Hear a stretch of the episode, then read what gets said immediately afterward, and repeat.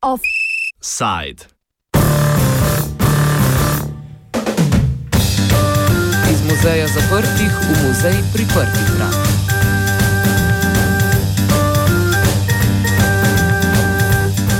Narodni muzej Bosne in Hercegovine je pred tremi leti zaradi prekinitve financiranja zaprl vrata. Ta in prihodnji mesec pa angažirani posamezniki in organizacije v akciji Jasa Muzej opozarjajo, da se ta še ve, vrata še vedno niso odprla. Problem kakopak izvira iz Daytonskega sporazuma, saj status te in še sedmih drugih kulturnih ustanov ni bil opredeljen.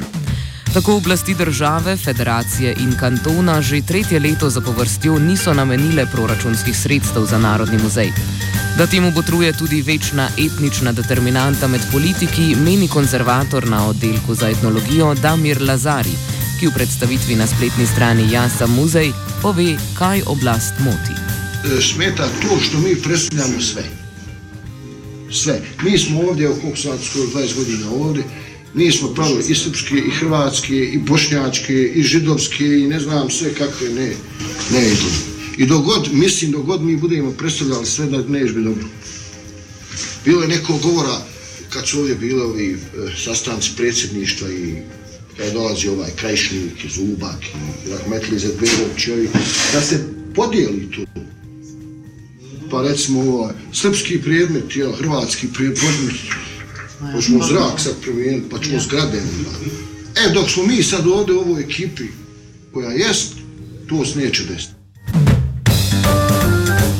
Aida Kalendar iz organizacije Akcija, ki je zaznala akcijo Jaz sem muzej, razloži problem ustanoviteljstva Narodnega muzeja in Dejtonskega sporazuma. U Dejtonskom sporazumu koji je još uvijek važeći uh, Ustav Bosne i Hercegovine koji je potpisan 95. godine uh, i time je okončan četverogodišnji rat u, u našoj zemlji. Um, definisano je da ne postoji državno ministarstvo kulture uh, u Bosni i Hercegovini, tako i sa nekim drugim sektorima poput obrazovanja, sporta i tako dalje.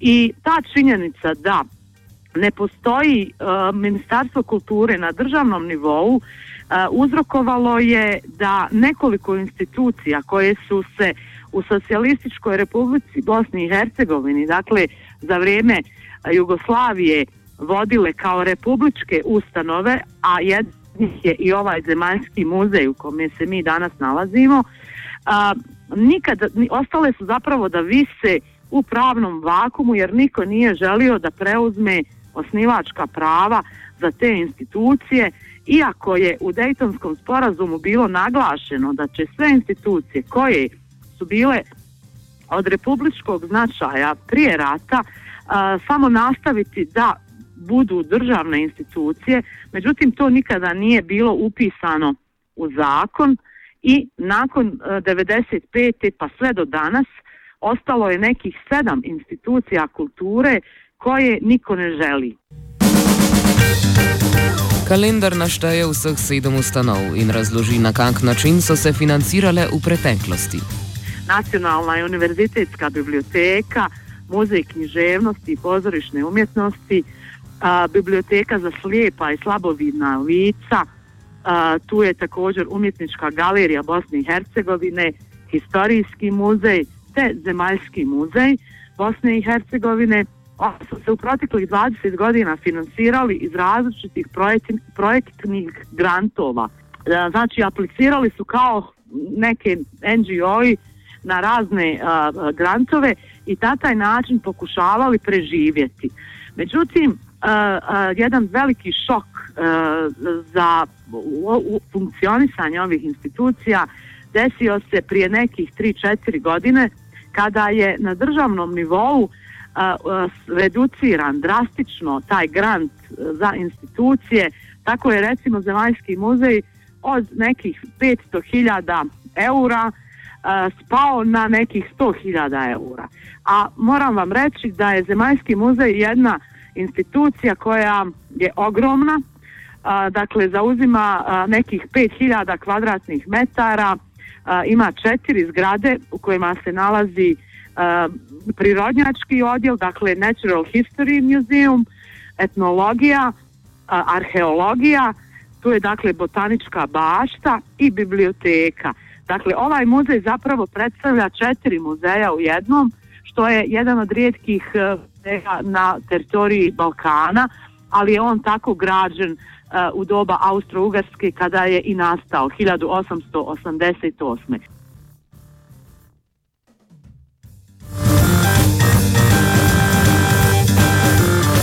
Zaposleni v muzeju so se rizom zoprstavili zaprtjem vrat, a za manj.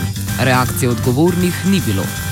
Radnici muzeja su odlučili kada se desila ta, taj veliki rez u finansiranju da zatvore muzej. To je bilo 4. oktobra 2012. godine jer nisu htjeli da pristaju na mrvice. Oni su uh, rekli ok, mi ćemo zatvoriti muzej i na taj način ćemo signalizirati da je ovo što se dešava sramno i da se ne može tolerirati. Međutim, naše vlasti nisu uopšte reagirale na to i ta agonija muzeja je trajala dakle od 2012. sve do danas. Međutim, radnici uh, ove, ove institucije, iako ne dobijaju plate, uh, nisu dobili uh, već 40 mjeseci plate, oni ipak dolaze svaki dan na posao i dežuraju u muzeju, dakle čuvaju fizički zgrade muzeja, rade svaki dan i noću i zapravo glume noćne čuvare ili, ili, ili čuvare muzeja. To rade svi, od čistačica, majstora, električara, do doktora nauka, arheologije, botanike i tako dalje. Kalendar razloži, da je akcija predvsem rezultat poskusa, da spremeni javni diskurs. Javnost se znani s požrtvovalnostjo zaposlenih v Narodnem muzeju ter vzpostavi nov pritisk na oblasti. A, mi smo bili kažem, fascinirani ovom pričom koja nije bila prisutna u medijima u Bosni i Hercegovini. Do tada je uh, priča o Zemaljskom muzeju bila uglavnom politička priča, dakle bile su prepucavanja o tome čija je to institucija, je li srpska, je li hrvatska, je li bošnjačka, je li državna i tako dalje. Ili je bila priča o tome da radnici muzeja su nesposobni i da ne znaju da rade menadžment i da zbog toga što ne znaju da opstanu na tržištu, zato su u takvoj situaciji da nemaju plate. Mi smo dakle ušli tu kao jedna nezavisna organizacija, grupa mladih ljudi a, i čuli smo e, priče radnika i tu smo zaključili da moramo ispričati te priče radnika javnosti da bi se taj negativni diskurs prema Zemaljskom muzeju na neki način zaustavio.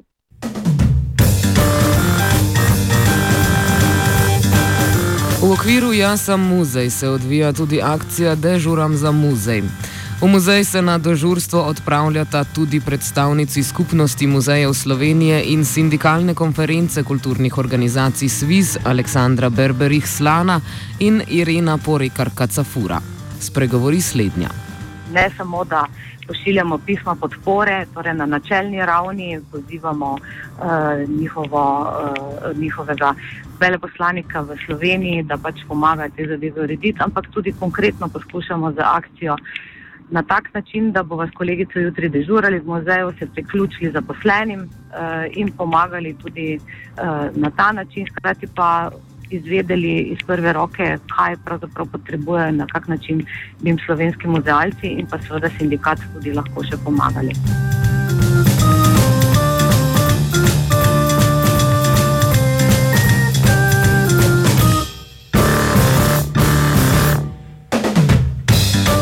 Kalendar je ob koncu pogovora dodala, da je vendarle zaznati poskuse ureditve financiranja in ustanoviteljstva Narodnega muzeja med predstavniki vlade. Eden je že obljubil oblikovanje akcijskega načrta, kalendar pa obljublja, da se akcija nadaljuje vse dokler ne pride do končne rešitve.